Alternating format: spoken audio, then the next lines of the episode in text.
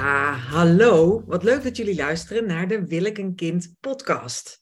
En vandaag heb ik een hele bijzondere gast. Namelijk iemand die af en toe hier al wel eens aan de keukentafel zit. Haar naam is Julia en ik laat haar uh, zichzelf even voorstellen aan jullie. Ja, uh, hallo. Fijn om uh, hier te mogen aanschuiven. ik ben Julia Roeselers. Ehm, ik ben moeder van een dochter van nu inmiddels drie jaar oud. En daarnaast ook documentairemaker en hobbypodcastmaker. Um, en Noem even je podcast. Oh ja, de, de podcast heet Actie in de Maxi over activisme en ouderschap. Um, en ik even denken hoor. Ja, wij, kennen elkaar eigenlijk al van voordat ik een kind had. Uh, namelijk dat ik ooit een keertje bij jou bij een kinderwenscoachavond, uh, een soort groepsavond uh, terecht kwam. Omdat ik een kinderwens had en niet zo goed wist wat ik daarmee aan moest. Um, en toen was jij het eigenlijk die mij adviseerde van, nou ga gewoon een keer koffie drinken met iemand. En wie weet, dan weet je eigenlijk wel of, het, of, of, of, dit de juiste weg is voor jou. En dat bleek de juiste weg. Um, dus inmiddels heb ik een kind met, uh, met iemand die no in ieder geval nooit mijn partner was. Uh, en dat gaat heel erg goed. Dat is heel erg leuk. Ja, en het, en het, en het hele bijzondere, hè, dat je dan denkt in een film, beetje ver gezocht, maar toevallig woont die meneer bij mij in huis. Ja. Die woont bij mij in de woongroep. Dus ik heb regelmatig, tot grote vreugde van ons allen, uh, de dochter van Julia, die bij ons deeltijd woont. Eigenlijk twee dagen in de week. En ik weet dat er heel veel mensen naar deze podcast luisteren en die zo graag willen weten hoe. Nou, allereerst, hoe kom je er, ertoe om een kind te krijgen met iemand die nooit je romantische relatie was? En, en hoe gaat het in zijn werk? En hoe is het dan om zo'n leven te hebben? Dus dat zijn eigenlijk de vragen waar ik met jou vandaag en eigenlijk vooral jou over uh, wil horen. Hoe, hoe was die zoektocht? Hoe, hoe kwam je bij hem tegen? Want ik heb hem niet in de, in de etalage gezet. Nee, nee, nee. Het is inderdaad allemaal totaal maf toeval en, en geluk ook, denk ik. Maar um, ja, om even het begin te beginnen. Ik uh, heb een relatie uh, met een man en uh, inmiddels al 15 jaar. Dus dat is al heel lang.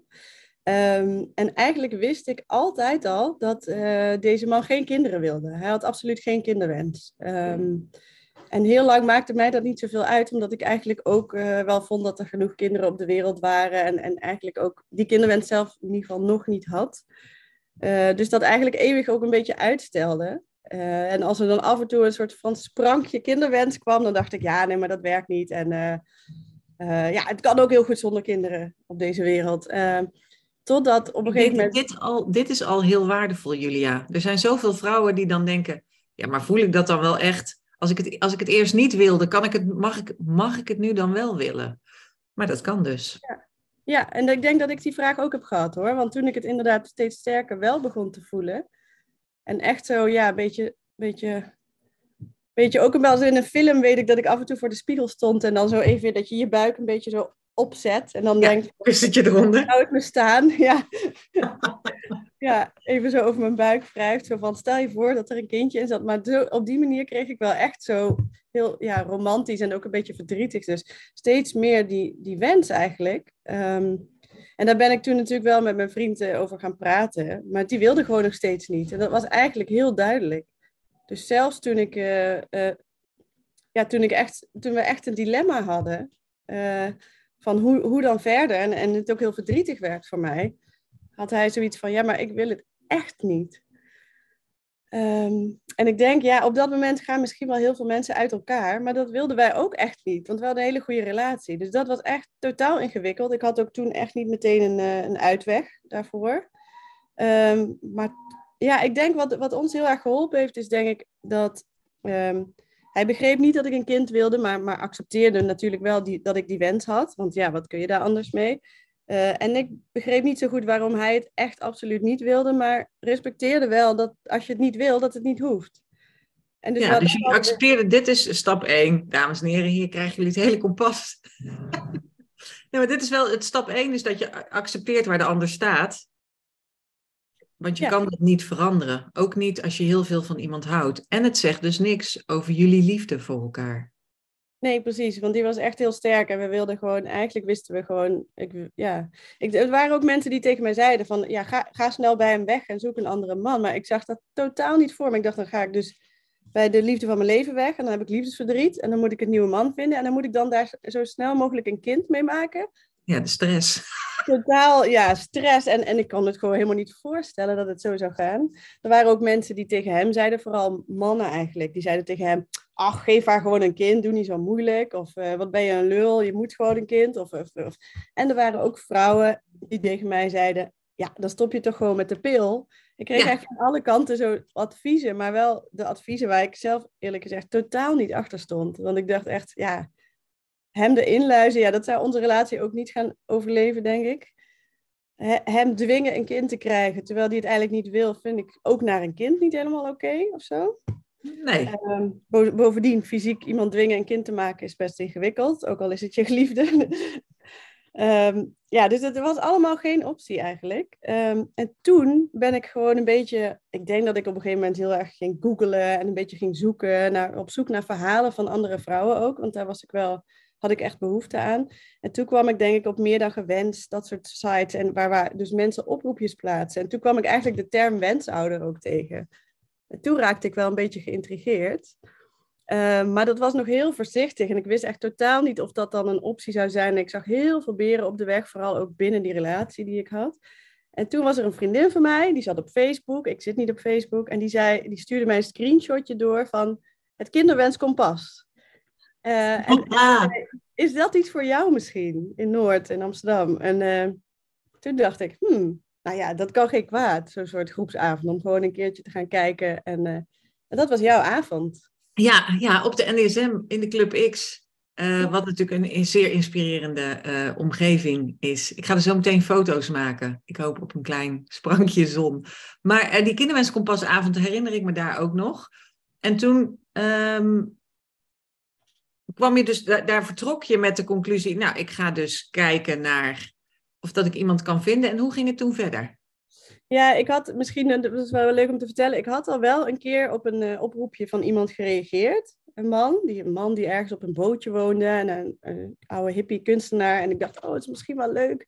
En die had ik een mail gestuurd. En die stuurde meteen een hele enthousiaste mail terug met heel veel foto's van hem. En toen schrok ik eigenlijk heel erg. Toen dacht ik, ik, ik ben nog helemaal niet toe aan het nadenken om met een vreemde man een kind te krijgen. En toen, toen ging ik dus naar die kinderwensavond. En, en volgens mij heb ik dat toen daar ook een beetje verteld. Dat ik dacht, ja, ik weet het echt niet. En jij zei van, ja, je kunt gewoon een keer koffie drinken met iemand. Je hoeft heus niet meteen te zeggen dat je een kind wil met elkaar. En ja, dat sterkte mij wel. En ook wel dat er ook wel een hoop vrouwen waren die tegen de 40 waren en eigenlijk best wel verdrietig waren ook daar. En ik was toen nog begin 30 en dus ik voelde me eigenlijk toen ik daar wegliep best wel licht. Ik dacht, nou, ik ga dit gewoon eens uitproberen en ik heb nog alle kansen van de wereld. Ja, dat, ja, dat is ook precies. Dat je een beetje, dat verdrietige, het kan zo verdrietig worden omdat je denkt, hè, er is één oplossing voor dit probleem. Dat is wat de samenleving je geeft, is one size fits all. Ja. En die ene oplossing, daar zit alles in. Dus er is één prins voor altijd die alles voor je zal betekenen en je alles zal geven wat je hartje begeert. Als dat niet zo is, nou dan krijg je de adviezen die je kreeg. Dan, of hij moet anders worden ja. met een toverstafje, of je moet hem dumpen en op zoek gaan naar iemand die dat wel allemaal heeft. En daar krijg je heel veel stress van. Maar wat, uh, toen, dus toen ging je, huppelde je weg. Toen was je al wat vrolijker. Toen dacht je, oh ja, nou, dit kan in principe ook. Ja. Het is een mogelijkheid. En toen ben je, uh, wat gebeurde er toen? Nou, eigenlijk nog, nog weer een soort heel gek toevallig verhaal, wat misschien in een film ook wel een beetje overdreven zou zijn. Want dat is namelijk dat ik, um, er was zo'n website, One Wish, en dat was dus zo'n soort dating site voor wensouders. Maar echt, echt een dating site waar je ook voor moest betalen om profielen te kunnen zien. Ik denk dat dat met echte dating, ja, dating sites nu ook zo is. Hè? Dan zie je zo'n gebleurde foto ja. of maar een deel van iemands profiel. Uh, maar ik was nog niet aan toe om te gaan betalen daarvoor. Want dat, het was allemaal nog veel te officieel en ik wist het niet zo goed.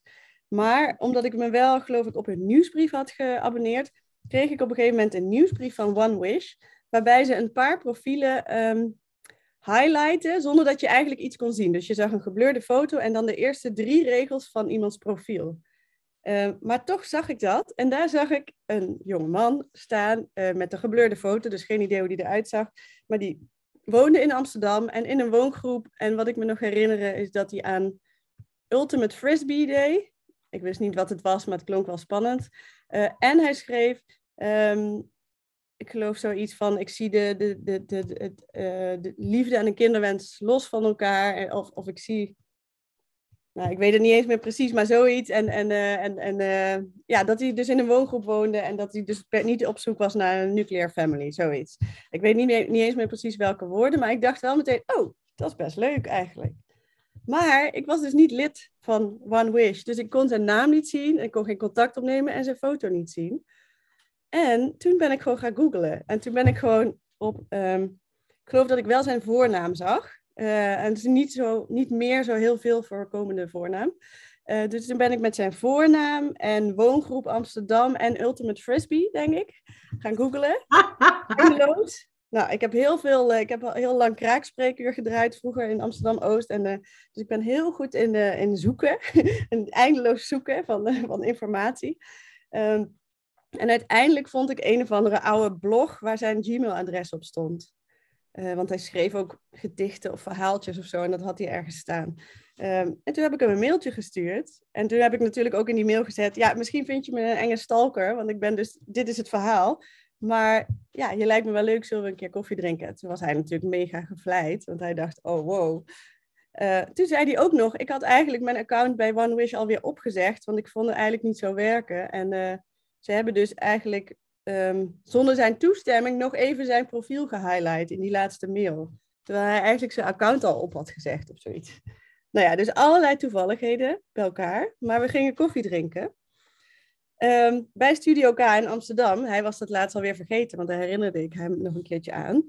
Want hij kwam niet opdagen. En ik zat daar en ik vond het super spannend. Ik vond het heel eng. Ik dacht echt, Okay. Echt waar? Kwam die niet opdagen? Ik kwam niet opdagen. Ja, en ik, en ik had dus alleen zijn mailadres, want op een of andere manier was dat zo. En uh, ik was echt best een beetje pissed off. Ik dacht echt, nou, bij zo'n afspraak kun je echt niet maken om gewoon niet op te komen dagen en niks te laten weten. Dus toen stuurde ik hem een mailtje op mijn telefoon, een beetje boos. Zo van, ja, ik vind dit echt niet leuk, maar doei, uh, ik ga weer naar huis. En toen fietste ik naar huis en uh, onderweg kon ik het niet laten om even te stoppen om toch nog even mijn mail te checken. En toen schreef hij, oh sorry, sorry, sorry, sorry, ik had het een uur later in mijn, in mijn uh, agenda staan. Wil je niet alsnog afspreken? En toen, toen heb ik teruggeschreven, oké, maar dan wel nu en hier. En dat was, ik was toen net bij Camping Zeeburg in Amsterdam-Oost uh, in de buurt. Uh, en toen is hij naar Camping Zeeburg gekomen. Dat is een camping dus. Dus daar was jullie eerste date? Dat was onze eerste afspraak. En daar hebben ze dus een café, maar dat was dicht. Dus we hebben naast een koffieautomaat gezeten met een bekertje koffieautomaat koffie. In de zon wel. En dat was echt een super, super leuke afspraak meteen. Dat was echt meteen gewoon dat we allebei dachten, wow, dit is echt heel leuk. En we hadden ook allebei het gevoel van, we zouden vrienden kunnen zijn. We hadden elkaar al kunnen kennen eigenlijk ja, het was een prima match. Het leuke is dat uh, um, ik voel toch dat ik een kleine hand hierin gehad heb, omdat hij ooit aan mij vroeg, omdat ik natuurlijk aan tafel continu vertel, ik, wil ik een kind? En, uh, um, nou, dus ze weten bij mij thuis dat ik dit werk doe. Mm-hmm. En dat hij zei, stel je nou voor dat ik een kind zou willen als man. Ik zeg, nou, dan meld je je aan bij One Wish en dan ga je daten met vrouwen die ook een kind willen buiten de relatie. Want we hebben het uh, in de woongroep natuurlijk veel over dit soort dingen, over relaties en romantiek. En het is, we zijn net een gezin. En uh, uh, dus ik weet, ik kan, ik kan me nog herinneren dat hij op een gegeven moment zei: Ja, um, niet om het een of het ander, maar ik ben met iemand aan het daten die bij jou een kompas heeft gedaan.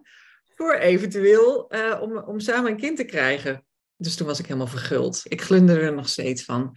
Ja. En toen, en toen ging je, hoe kwam je, toen hebben jullie hoe lang gedate voordat je dacht, oké, laten we het samen gaan doen? Ja, ik denk een half jaar ongeveer. Um, ik denk dat we het allebei al wel veel eerder wisten dat het, dat het goed zat. Maar we hadden wel echt zoiets van, uh, of tenminste ik en uh, hij, ging naar, hij ook volgens mij.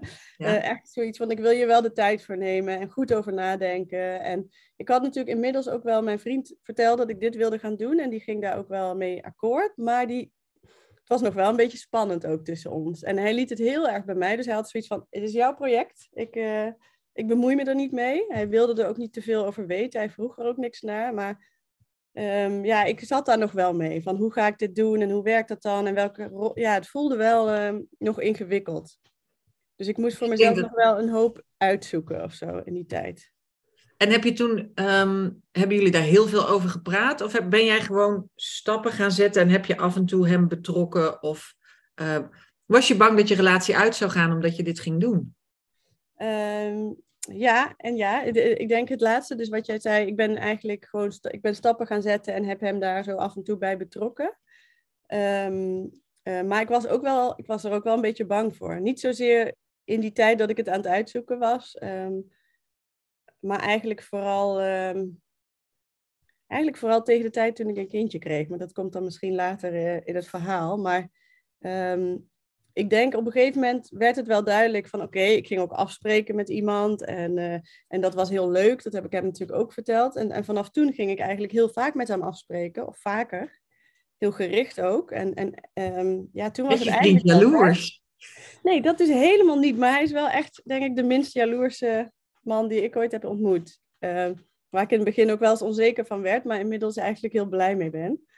Uh, dus nee, hij was eigenlijk gewoon um, nauwelijks geïnteresseerd bijna. Uh, maar dat is denk ik ook een beetje zijn manier om ermee te dealen. Van ja, het is jouw project, doe het maar. Um, en ik weet dat ik zelfs nog een keer heb geregeld dat, dat hij dan kwam lunchen. En dat dus mijn vriend ook mee had. En dat, dus dat ze elkaar zouden ontmoeten. Want ik vond het ja. heel belangrijk. En, en mijn vriend had er zelfs niet eens zo heel veel zin in.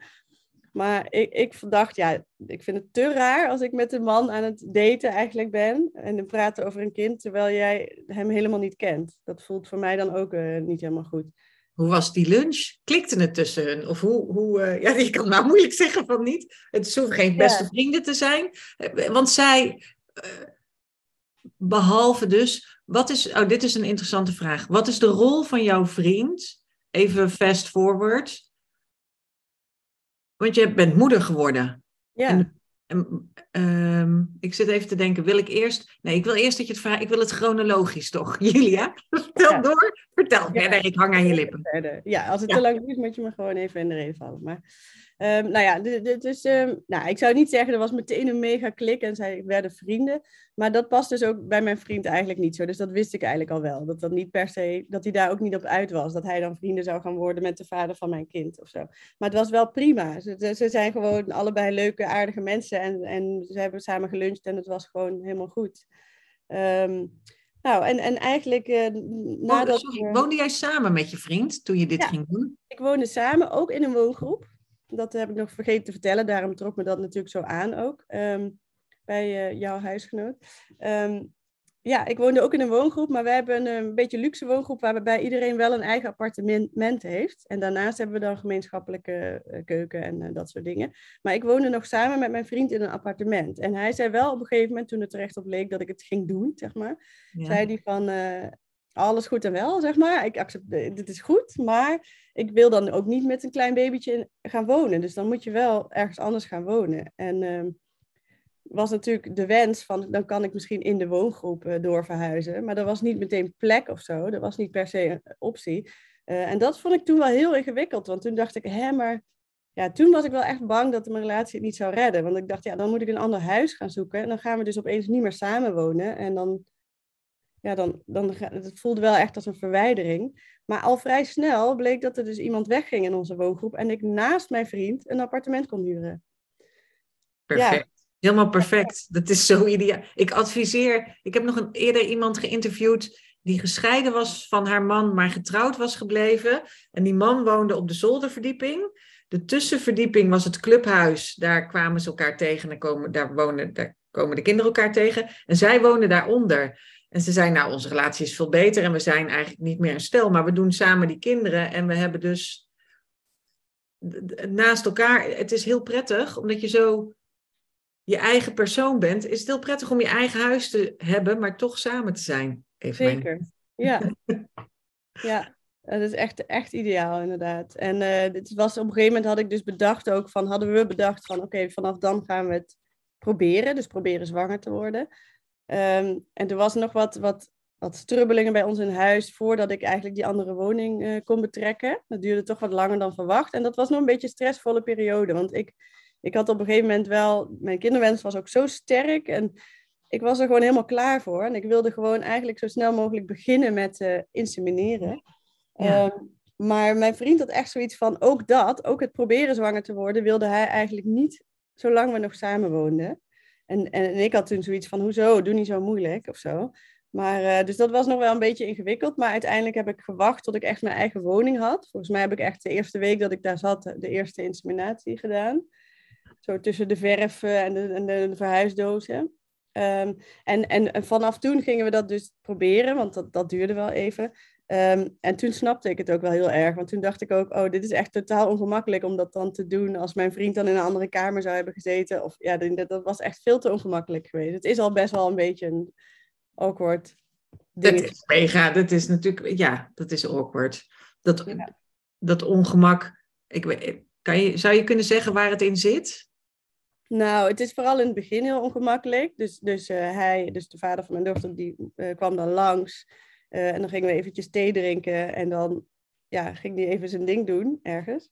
Ja, en dan kreeg ik een potje. Masturberen, mensen. We hebben het over masturberen. Ja, ja. ja. en dan, dan ging hij weg. En dan ging ik dat met een spuitje inbrengen. Um, maar dat is natuurlijk, ja, ik weet niet. In, op een gegeven moment konden we daar gewoon prima om lachen, grapjes over maken. En was het ook gewoon heel normaal geworden. En deden we er niet meer raar over. Maar in het begin is dat natuurlijk toch wel, ja, je kent elkaar ook nog niet zo heel goed. En uh, ja, ik moet er niet aan denken dat ik dat bij iemand anders thuis zou moeten doen. Maar dat is misschien voor vrouwen ook weer anders. Maar, ja. ja. mijn vriend moest het in het ziekenhuis doen. En ik heb het kamertje gezien waar dat in gebeurt. Er hingen posters van lavendel aan de muur. Oh my god, ja, precies. De ziekenhuiskamer opgeleukt met posters van lavendel. Krijg hem dan nog maar eens overeind. Ja. Um, ja. Als het fysieke mensen. dat bestaat niet meer. Een soort christelijk, nee, weet ik niet. Uh, um, hoe lang zijn jullie toen gaan proberen? Um, nou, ik, uh, ik ben heel slecht in de alle data eigenlijk. Gelukkig ben ik dat allemaal snel weer kwijt. Maar het heeft uiteindelijk wel, denk ik, tot, tot ik een kind had, wel drie jaar zeker geduurd of zo. Wow! Ja, en dat is eigenlijk um, tweeënhalf, denk ik. Nou ja, zoiets ongeveer. En dat kwam eigenlijk omdat het in eerste instantie duurde het bijna een jaar voordat ik zwanger werd. Um, en toen kreeg ik met twaalf weken een miskraam. Oh. Of een uh, missed abortion noemen ze dan. Dus bij de echo zagen we dat het hartje niet meer klopte. Ik had eerder wel al een, een kloppend hartje echo gehad. Dus dat was echt... Toen uh, stortte, we, stortte ik behoorlijk in. Dat was echt super verdrietig. En toen was er ook nog ja, dat het dan niet uitkwam, waardoor ik uiteindelijk na heel lang en medicijnen en proberen en uh, uiteindelijk bijna doodbloeden midden in de nacht, uh, s'nachts in het ziekenhuis, dat ze dan zo'n soort spoedcuratage deden om het er uiteindelijk uit te krijgen. Uh, en daarna nog dat, dat ze dan nog maandenlang een vlekje in mijn baarmoeder zagen, wat dan misschien nog een stukje weefsel was. En, en ik, mocht dus, ik mocht heel lang nog niet proberen weer verder zwanger te worden. Oh. Toen was ik alweer zoveel verder voordat ik het überhaupt weer kon proberen. Um, ja, en toen um, duurde het weer best wel lang, wel wat korter, ik denk een half jaar of zo. En toen werd ik weer zwanger en toen had ik met vijf weken weer een miskraam. Ah.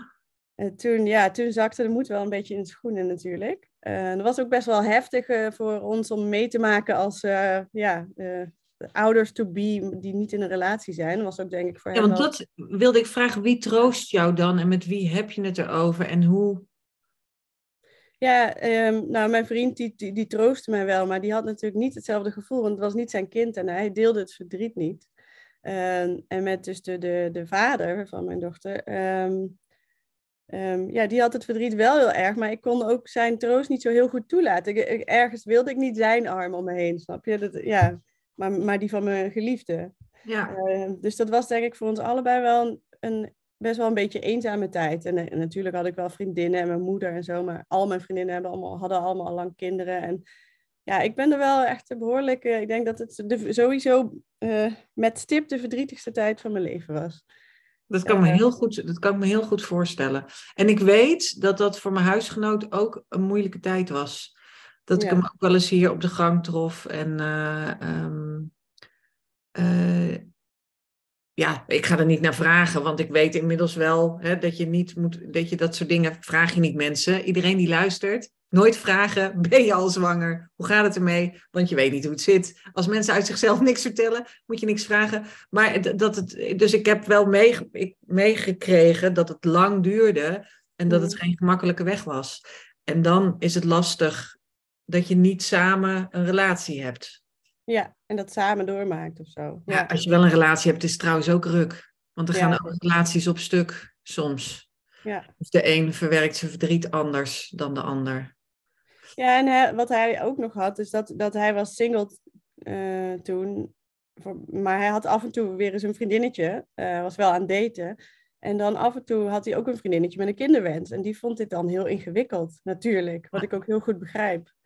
Um, dus dat was voor hem ook best wel lastig. Dat soms dreigde dan een uh, leuke date dan toch weer eigenlijk te mislukken. Doordat hij met mij in dit traject zat. En um, ja, hij bleef gelukkig heel trouw. Want hij had ook een kinderwens. En hij wilde dit ook echt. Um, maar het was wel zo dat, uh, dat we die op een gegeven moment, toen het dus daarna, na die tweede miskraam, weer bijna een jaar duurde, dat hij een soort deadline eigenlijk heeft gegeven.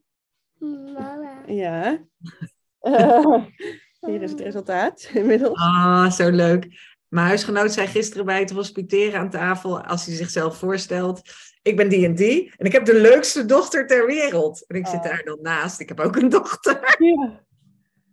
Dus dat moet ik en ik heb ook een dochter. Heb jij ook een dochter? Heb je ook een dochter? Oh, ja. Mama is mijn dochter. Oh, is mama jouw dochter? Nou, voet er maar goed op. Heel veel hallo zeggen tegen je Eve? En daarna moet je me weer heel even laten. Hallo lieverd, hoe is het daar? Ben je in een ander huis? Kom je straks naar dit huis? Gaan we vanavond samen eten? Gezellig. Gezellig als je komt. Ik ben dat. Ja. En jij bent dat. En wie is dat? Eve. Eve, ja, dat is Eve. Ja, Gezellig. Maar heel eventjes. Ja, neem die maar even mee. Ja, neem maar even mee. Laat die maar even. Tot zo. Okay. Iedereen is hier ook helemaal weg van haar. En ik vind het ook heel leuk, want ik, tot mijn verdriet heb ik maar één kind, omdat ik gewoon ook omdat ik te laat was. Niet ook. Jij, bent, jij was niet te laat. Maar omdat ik laat begon en daarna kon ik niet nog een kind krijgen. En dan is het wel leuk om zo'n klein uh, hummeltje in de woongroep weer. Uh, dat je denkt: oh ja. Ja. Zijn ze als ze drie zijn. Ja. Heel leuk. Ja, nee, ze is geweldig. Um, ik even denken waar ik bleef was. Ja, het, duurde allemaal lang. En uiteindelijk uh, zei hij, dus, de, dus de va haar vader, wel van... Uh, een soort, ik wil toch een soort deadline afspreken.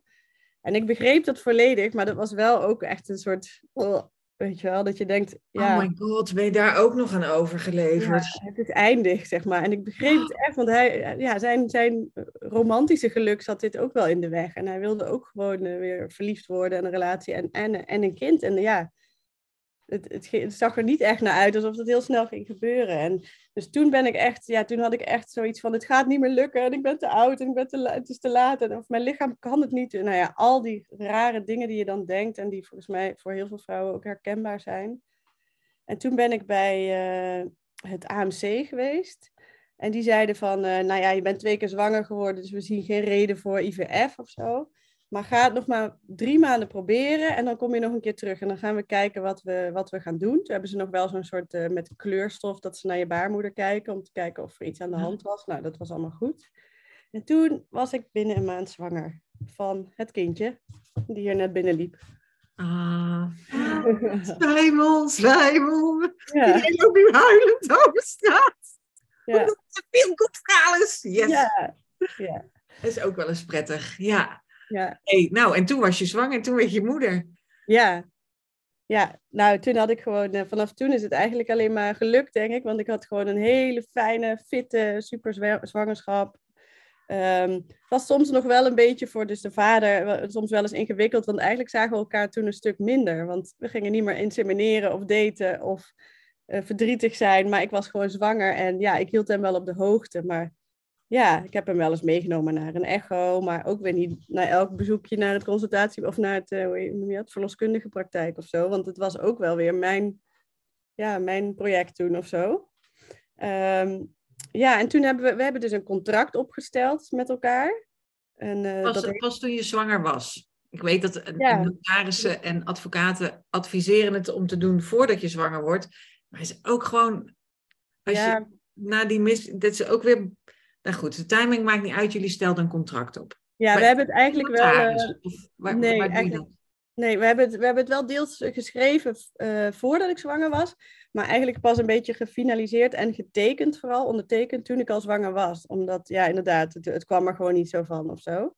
Um, maar we hebben ook besloten om het niet uh, te laten, hoe noem je dat? Weet ik veel, bij de notaris langs te gaan. Dus daarmee is het ja. niet officieel rechtsgeldig. Maar uh, ik had daar wel wat een beetje over ingelezen. Um, ja, een rechter kijkt er wel naar als je zo'n contract hebt. Ja, en je hebt wel iets op papier staan. En um, ik heb dus twee vriendinnen die familierechtadvocaat zijn. En die willen altijd heel formeel. Maar dat komt, ik zei ook, ja, jullie hebben een, een afwijkend beeld. Want jullie krijgen al het gezeik. Mensen komen naar jullie toe de hele dag door. Omdat het mis is gegaan. Maar al die mensen bij wie het goed gaat, die zie je helemaal niet. Maar goed, even zo goed is het belangrijk om in ieder geval wel met elkaar helder te hebben wat je, ja. wat je wil en wat je plannen zijn. Ja, zeker. Ja, want hij is ook, uh, het is officieel een donorcontract. Hij is officieel een donor plus, dus een donor met beperkte vaderrol. En tegenwoordig zeg ik dan altijd, als ik dat vertel aan mensen, uh, het voelt heel erg alsof ik hem tekort doe als ik hem donor noem. En zo ik zou het niet durven hem donor noemen, dan krijg ik echt een klap op mijn bek. Ja, maar dat is dus juridisch wel zo. Dus nou ja, goed, zo hebben we dat afgesproken. Maar inderdaad, uh, nee, hij is gewoon papa. Hij is haar vader. Ja. Hij, ja, en zelfs juridisch weet ik van die familierechtvriendinnen dat als er sprake is van family life, is er sprake van family life. Dus als jij nou zegt, ik ga in het oosten van het land wonen, dan uh, of hij gaat mee en je regelt iets voor hem, of, of je kunt niet zomaar de aankomende 15 jaar vertrekken. Precies, ja. Dus dat, uh, ja, dus dat, is, nou ja, dat zijn dan meer de formele dingen. Zo hebben we het uh, geregeld. Hij is, zij is dan, uh, dat staat daar ook in, een dag en een nacht per week bij haar vader en een weekend per maand. En eigenlijk is alles wel zo'n beetje gegaan zoals in het contract. Uh, behalve dat het misschien allemaal nog beter en fijner en mooier heeft uitgepakt dan ik had durven hopen. Oh, heerlijk! Ja, ja, het is ook, ik bedoel, nou, ik moest vanmorgen nog bijna huilen, want mijn vriend had een Paw Patrol stickerboek gekocht voor uh, kleintje. Nou, dat ik daar nog om zou kunnen huilen, maar uh, dat oh, was voor mij... Ja, ik dacht echt... meuk! Ja, maar dat vindt ze dus geweldig, ja. En ik dacht echt van, hè, maar waar kwam je dat tegen dan? Ja, nou ja, bij de Lidl. En ik dacht echt, hè, maar hij heeft dat gezien, herkend ook. Hij dacht ja? ook, Paw Patrol, hè? hij is geen vader. En hij dacht van, oh, dat vindt zij leuk. En nou ja, ik, ik, vond, ik dacht echt zo, wow, dat had ik echt zo nooit verwacht. Dat dat zo, zoiets zou gebeuren. Hé, hey, maar en... Um, dus ik, want ik, ik wil mijn huisgenoot nog gaan interviewen en uh, vragen hoe dat is. Uh, hij is een enorm trotse papa. En het is, um, ik denk dat hij hij mist daar misschien meer. Dan, hoe, hoe is dat voor jou? Want veel vrouwen die dit overwegen zeggen, ja, maar ik ben bang dat ik dan mijn kind zal missen. Dus we, we, horen je net, hoe, hoe, hoe, noem je deze verdeling? 70-30 of zo, denk ik. Ja, nou, dat weet ik niet eens, inderdaad. Zo, zo, zo staat het dan in die oproepjes, hè? Van ik wil dit als ja. in mijn hoofd heb als, als verdeling. Hoe is het voor jou? Want wij, ik was te gast in jouw podcast over seks. Actie in de Mas Maxi, heet die podcast. Ja. En ze zei, het is fijn als er even een nachtje niet is. Want dan kun je veel, is voor je seksleven ook beter. Ja. Maar heb je ook wel eens dat je denkt, oh, moet ik er nu wegbrengen? Of, um... um, nou, in het begin had ik dat wel heel erg. Is ook, we hebben het wel heel voorzichtig opgebouwd. Dus dat hadden we ook vastgelegd in het contract. Want ik wist al van, nou, als ik net bevallen ben, dan ga ik echt niet dat babytje uit handen willen geven. Dus in het begin kwam hij dan op bezoek. Op een gegeven moment nam hij haar dan mee om een rondje te wandelen. Op een gegeven moment nam hij er een paar uurtjes mee. Op een gegeven moment ging ze een halve dag. Nou, het ging echt zo heel langzaam. En ik denk pas na een half jaar of zo dat ze uh, ging logeren ook. Um, en dat vond ik in het begin heel spannend en heel moeilijk ook wel. En ik gaf ook, uh, ik heb twee jaar borstvoeding gegeven, dus dan gaf ik hem al die zakjes met zijn moedermelk mee. En uh, dat was echt heel geregeld. Ja, allemaal bij mij in de koelkast. Ja, ja precies. Die ging ook wel eens open in zijn tas en dan stonk zijn tas heel erg naar zure melk. dus ja, dat was best wel een organisatie. En, en het, uh, nee, ik voelde daar van alles bij. Maar dat is gewoon gegroeid en nu ben ik gewoon heel blij. Ik ga er zo weer uh, brengen naar papa en dan uh, vind ik eigenlijk heerlijk dat ik vanavond iets leuks kan doen en lekker even kan slapen en morgen kan uitslapen of een rondje hardlopen of weet ik veel, rustig ontbijten. Ja, gewoon al die dingen die heel veel moeders en vaders, denk ik, soms missen. Die kunnen dan gewoon in ieder geval één dag in de week. En dat is echt heel fijn. Ja, het, ik vind het zalig. Ik vind het niet samenwonen met je partner en samen een kind hebben. Ehm, er, zitten, er zitten ook nadelen aan, maar er, er zijn enorme voordelen. Die heel, dat is echt een soort bijtank. Ja, en in het begin denk ik ook een lifesaver. Want dat is wel.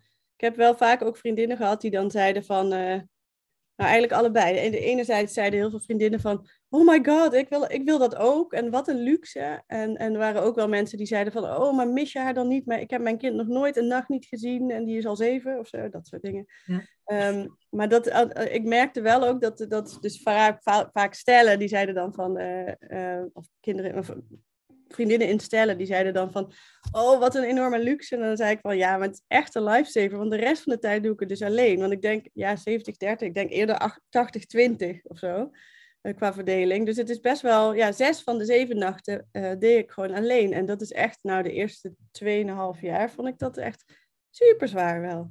Heel leuk, maar uh, deels. Ja, ja, dat is natuurlijk het is een, een beproefde marteltechniek om mensen niet door te laten slapen. Ja, precies. en, nou ja, en ik heb echt gewoon uh, voor mijn gevoel echt heel lang, ja, echt jarenlang niet doorgeslapen. En dan ook echt inderdaad soms urenlang wakker of meerdere keren per nacht. Het was gewoon, dus het liep niet zo heel erg super. En, uh, en als, ik dan, als het dan vrijdag was, dan, ja, dan, dan, dan, keek ik echt naar uit. Dat ik dacht, oh, ik kan er eventjes naar papa brengen. Het was echt gewoon dat ik dacht, dit is mijn lifesaver gewoon. Oh, ja. Wat goed, wat goed. hey, en je vriend, hoe, wat is zijn rol? Um, hoe, hoe, wat, ja, ik, ik, misschien mag ik hem ook nog interviewen. Misschien wil hij er wel helemaal niks mee te maken hebben. Waarschijnlijk niet. Um, hoe, hoe, hoe is het voor hem? Ja, ik denk dat, hij, uh, dat het voor hem ook um, ja, een verrassing was, zeg maar, dat het eigenlijk best wel heel leuk is. Dus uh, nou, laat ik het zo zeggen, in het begin uh, wist hij het allemaal niet zo goed. Hij was ook helemaal niet, uh, hij wilde haar ook niet vasthouden en hij was eigenlijk helemaal niet geïnteresseerd, maar hij was wel mijn lieve vriend en hij wilde natuurlijk wel goed voor mij zorgen. Dus ik heb wel, hij kwam mij wel in die kraamtijd elke avond eten brengen en ontbijtjes en, en, en lunch als het nodig was, omdat ik gewoon helemaal zo in de borstvoeding nergens aan toe kwam. Uh, en hij ging ook wel een keer een pak luiers halen als dat nodig was. Dus hij was eigenlijk wel heel lief en zorgzaam voor mij, maar zeker niet voor haar. Dus hij hield wel in die zin ook een beetje afstand van haar. En dat vond ik best wel ingewikkeld in het begin. Uh, en ik weet nog ook dat hij de eerste maand of zo, denk ik, dat heeft hij haar dus niet één keer vastgehouden. Gewoon niet, bijna eigenlijk vrijwel niet aangeraakt. En dat vond ik heel moeilijk eigenlijk en heel verdrietig. En dat was misschien ook wel de tijd dat ik uh, ook wel kraamtranen en zo, maar dat ik ook wel de, het meeste zorgen maakte om een relatie. Dat ik dacht, ja, ik weet niet of, uh, of we dit gaan overleven. En heel langzaam is het eigenlijk gegroeid. Um, en is het nu gewoon fantastisch. Hij is niet haar vader, expliciet niet. Hij heeft ook nog nooit een luier verschoond. Daar is ze inmiddels uit, gelukkig ook. Maar Ehm, maar hij is wel gewoon haar, haar, vriendje. Ze zijn nu samen gitaar aan het spelen, hoor ik hier op, zachtjes op de achtergrond. Um, ja, hij speelt met haar en, en, en, hij, en hij is gewoon hij is lief voor haar en hij leert haar dingen. En um, ja, inmiddels is het ook zo dat ik bijvoorbeeld s'avonds vaak even een rondje ga hardlopen en dat hij dan op de babyfoon past. ja, heel soms lukt het wel eens dat ik zeg, kan ik even naar de winkel heen en weer en blijf ze even bij jou? Ja hoor, prima. Um, ja, ze zijn eigenlijk dol op elkaar. Ze zijn gewoon uh, maatjes geworden. Ik zei, ik zei al vanaf het begin, hij wordt een soort oom. En ik denk ja, dat hij dat ook is, maar dan wel een hele, hele dichtbije oom of zo. Ja, ja nou ja, goed. In, in deze uh, tijden, het bijzondere aan jouw constructie is dat het vooropgezet is. Dat je het bedacht hebt en bewust gedaan hebt. Er zijn heel veel mensen die in deze constructie leven wie het overkomen is, omdat ze uit romantiek met elkaar begonnen zijn, dat klapt en dan krijg je samengestelde gezinnen. En dan, um, dan, heb je, dan heeft mama ook een vriend die, ja. uh, of papa heeft een vriendin die mee maatjes is of mee opvoedt of de volwassene is. Als er een kind is, en moet er ook een volwassene zijn die, die, die, die, ook de verantwoord, die, die daar verantwoordelijk voor is. Ja, precies. Dus het is niet zo'n hele gekke situatie in die zin, inderdaad. Nee. Eh, en het is ook, ja, ik vind het nu ook heel fijn dat het heel duidelijk is dat hij niet papa is, uh, maar dat papa iemand anders is. En daar gaat ze dan naartoe. En ja, dat is voor hem duidelijk. Het is voor iedereen duidelijk, eigenlijk. Ja, hey, en wat zegt ze? Want ze kan er inmiddels zelf over vertellen, denk ik. Zegt ze er zelf wel eens iets over? Vertelt ze mensen hoe het zit? Um, nee, niet zo. Nou, nee, niet echt. Ik denk dat ze nog niet zo bewust is van uh, het soort van concept of zo. Ja. Even binnen hier. Um, maar ja, ze zegt wel, kijk, ik probeer soms wel eens boekjes te zoeken, hè, die dan gaan over kinderen die uh, inderdaad uh, soms bij hun moeder, soms bij hun vader wonen. En meestal, of bij twee moeders of bij twee vaders, maar meestal is het dan zo dat, uh, dat het over een scheiding gaat. En dat papa en mama ruzie hadden en zoiets. Ehm, dus soms is dat best moeilijk, maar we hebben nu wel een boekje over in ieder geval een kind die benoemt um, dat ze soms bij papa en soms bij mama woont. En dat, dat probeer ik dan wel met haar te lezen. En daar is zich dan wel bewust van. Uh, en ik denk dat zij dat gewoon heel leuk vindt. Dus ze vertelt wel bijvoorbeeld aan mijn huisgenoten aan tafel dan soms dat ze bij papa was. En dat papa ook huisgenootjes heeft bijvoorbeeld. Ze is zich wel de laatste tijd heel bewust van, van dat ze in een woongroep woont.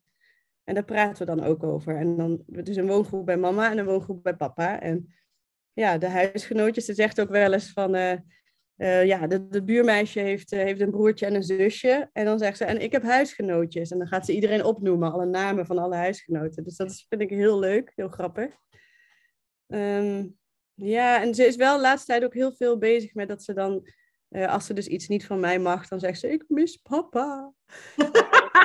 Goed ja. zo. Het is een kleine ja. politica in de dop. Ja, precies. En dat doet ze dus bij papa ook heel erg. Dus als hij dan een beetje streng is, uh, dan uh, zegt ze, ik mis mama. En, nou ja, gewoon lekker een beetje uitspelen. maar ik denk, ja, ze is zich natuurlijk niet van bewust hoe dat dan bij anderen zou gaan. Of, uh, ja. nee, nee, dat heeft ze nog niet. Nee, ik weet dat mijn dochter is nu acht. En die, ik weet dat ze in het begin ook wel verbaasd was van waarom hebben mensen dan niet twee huizen. En ze zegt automatisch, legt ze uit, mijn vader en moeder wonen niet samen, maar ze zijn nog wel samen. Oh ja. En ja. dat is dan ook weer een andere constellatie. Ja. Maar mensen begrijpen dat nooit. Als je het zo zegt, wij zijn wel samen, maar we wonen niet samen. Dan zeggen ze, oh, jullie wonen niet samen. Ja, maar, maar jullie zijn wel samen. Ja. ja. Oh, dus we moeten altijd nog een keer de zin herhalen voordat het, ja. voordat het beklijft. Dat ze denken, oh ja, dat zou je ook kunnen doen. En dan zie je ook heel vaak al de gedachte van, er zit wel wat in. Dat heeft wel iets. Ja, ja, hey, en, um, nou, we zijn al drie kwartier onderweg en ik vind het reuze interessant. Ik weet zeker dat hier uh, heel veel reacties en vragen ook nog op komen. Uh, heb je een advies voor vrouwen die dit overwegen? Of um, een les eruit of iets wat je wil meegeven nog? Um, nou, wat ik zou willen zeggen is dus, het kan. En het kan echt heel leuk en heel mooi en heel fijn zijn. Ik mis wel eens een, een vader die, die uh, zeg maar er s'nachts bij is om me te helpen als het ingewikkeld is of zo. Maar over het algemeen, ja, natuurlijk mis ik wel eens iets. En, en in eerste instantie had ik ook het plaatje van dat ik dit met mijn geliefde had gewild. Maar over het algemeen ben ik eigenlijk gewoon 100% tevreden met hoe het gaat. En zie ik er ook heel erg de voordelen van in. Dus dat, ja, dat zou ik echt willen zeggen. Van, um, ik dacht ook echt, toen ik dit voor het eerst bedacht, dacht ik, ja, maar dat is te ingewikkeld. Dit kan echt niet. Je hoort het ook bijna nooit eigenlijk in deze setting en iemand die dan en een relatie heeft. Maar het kan dus gewoon wel. Je moet gewoon open-minded zijn, denk ik. Um, en elkaar dingen houden. Je hebt wel doorzettingsvermogen, Julia. Ja, dat, dat, ook. Ja, ja, dat denk ik ook wel. Maar dat is ook wel, um, als je eenmaal die kinderwens hebt, en dat zullen denk ik vrouwen ook wel herkennen, dan is het best wel moeilijk om, die, uh, om er niet meer aan te denken. Of ja, je wordt ook voortgedreven. Het is, ja, uh... precies. Het, het, neemt alles over eigenlijk. Ja, ja. Dus dat, maar ja, en, en, en ook een beetje scheid hebben. Want uh, er waren ook wel mensen die dit echt een belachelijk plan vonden. Of die zeiden, ja, dan gaat je kind in een gebroken gezin op, opgroeien. Of kreeg ook wel wat kritiek, maar daar moet je dan gewoon scheid aan hebben.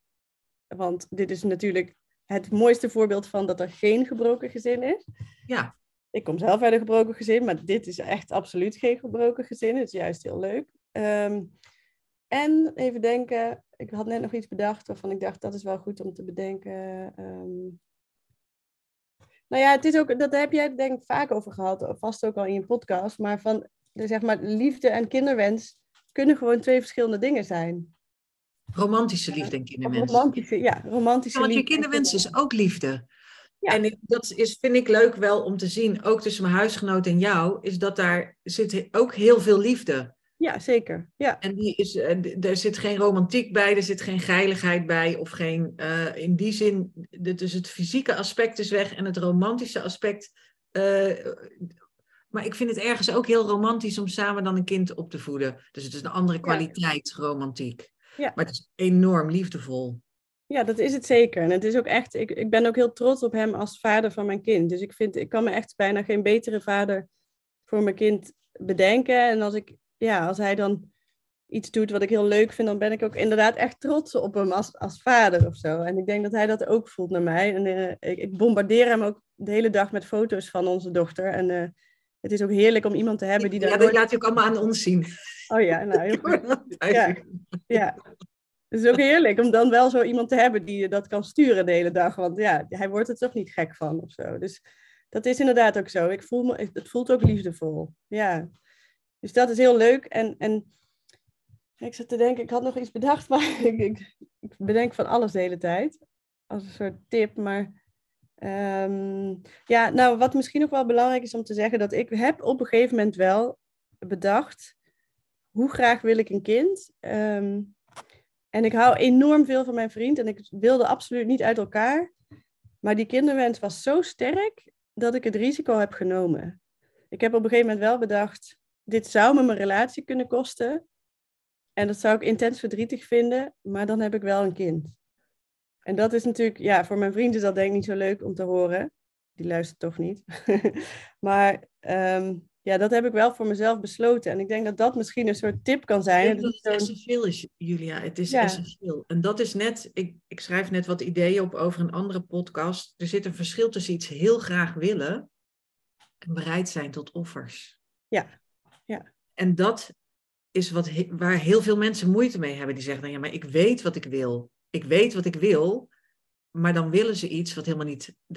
Wat jij wil, is dat je vriend verandert van gedachten. En dat hij het wel wil en dat hij wel meedoet. Maar als dat niet een bereikbaar iets is, dan, dan vraagt het dus offers van je. Maar ik denk ook dat het heel goed kan. Want ik heb dus het omgekeerde gehad. Ik ben begonnen om uiteindelijk, eerst heb ik gedate voor co-ouderschap. En af en toe mijn vriend gevraagd, wil je, wil je instappen, wil je meedoen? Wilde die niet. En uiteindelijk kwam ik bij de spermabank, omdat ik gewoon geen tijd meer had. Omdat ik toen 39 was, Mhm. 38.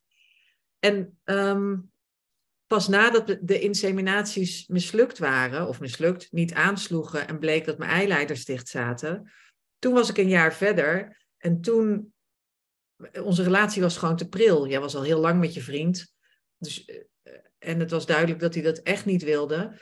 Maar bij ons was gewoon de relatie nog te pril en daarom konden we, konden we niet, kon, kon hij mijn tempo niet bijhouden. Maar toen ik vertraging opliep, kon hij toch instappen.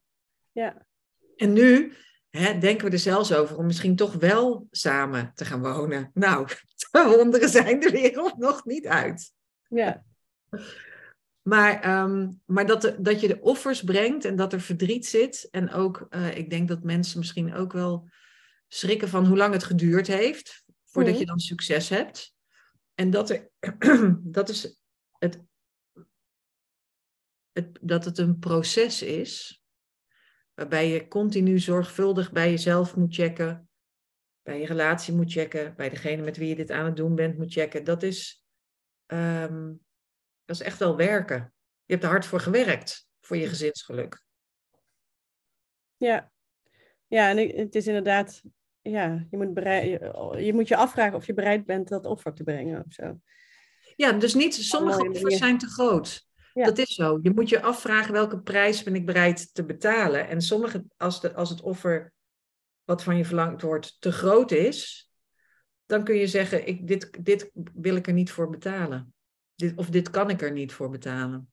Ja, ik merk ook wel dat er nu, dat er zijn eh, natuurlijk wel vrouwen om me heen die dan met een kinderwens bezig zijn. Vaak dan eh, single bijvoorbeeld. Ik heb zelf een soort enorme onrust dat ik bijna, ik, ik wil ze niet opfokken, maar ergens denk ik, ga het doen. Ga het doen. Maar dat komt ook heel erg door mijn ervaring dat het lang geduurd heeft. En dat ik denk, ik zie eigenlijk te veel vrouwen met een best wel sterke kinderwens, die dan toch zoveel beren op de weg uh, zien dat ze aan het treuzelen zijn. En ja, haasten en, uh, is ook echt niet goed. Maar ik, ik wil ze dan eigenlijk vaak op het hart drukken van, hoe graag wil je dit? Echt heel graag? Ga het dan nu doen. Ga het nu doen. Dat zou echt met ik ga nu stappen zetten, want wachten op de romantiek, want dat is eigenlijk zitten ze gevangen in het romantische ideaal. Dus ze willen dat niet loslaten. Terwijl je, het is een ideaal wat helemaal niet van jou is. Het is een ideaal dat heerst in de samenleving ja. en niemand leeft het. Het scheidingspercentage is enorm hoog. En als je gelukkig getrouwd bent, dan heb je ook wel eens een dipje. Niemand leeft in een ideaal. Maar het houdt mensen wel, het weerhoudt ze ervan om een ander pad te bewandelen. Want het voelt dan als verlies nemen. Ja. Misschien. Uh... Dat je erop stapt. Terwijl als je erop stapt, als je aan het wandelen bent, dan, dan voel je of dat het wel of niet oké is. Ja, dat denk ik ook. Ja. En, en het, ja, vele vrouwen voor jou hebben het ook gedaan. En misschien heel kort wilde ik nog wel vertellen. Ik ben op dit moment een documentaire aan het maken en die is bijna af. Ik zit nu in de montage. En die gaat over alleenstaande moeders in de eerste nachten nadat ze een kind hebben gekregen. Het zijn niet allemaal uh, bewust alleenstaande moeders. En er zitten ook zeker verdrietige en hele zware verhalen tussen. Maar mijn doel met die film is ook wel om even te laten zien van...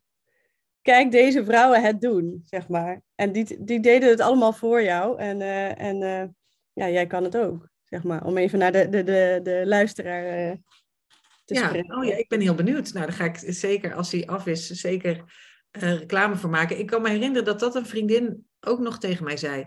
Ze zei, ja, maar als je kind geboren is en je zit s'nachts in je eentje, uh, probeer je borstvoeding te geven, is het wel heel eenzaam hoor. En toen dacht ik, hè, dat correspondeerde helemaal niet met het plaatje wat ik had van een, van een, hè, een, een Philips softtone sfeerlichtje met een, met een moeder aan de, met een baby aan de borst. En dat je denkt, oh, is ergens ook een mooi, vredig plaatje. Maar zij zei juist, nee, het is heel eenzaam en heel zwaar. En toen dacht ik, oh, ja. dat wil ik helemaal niet horen.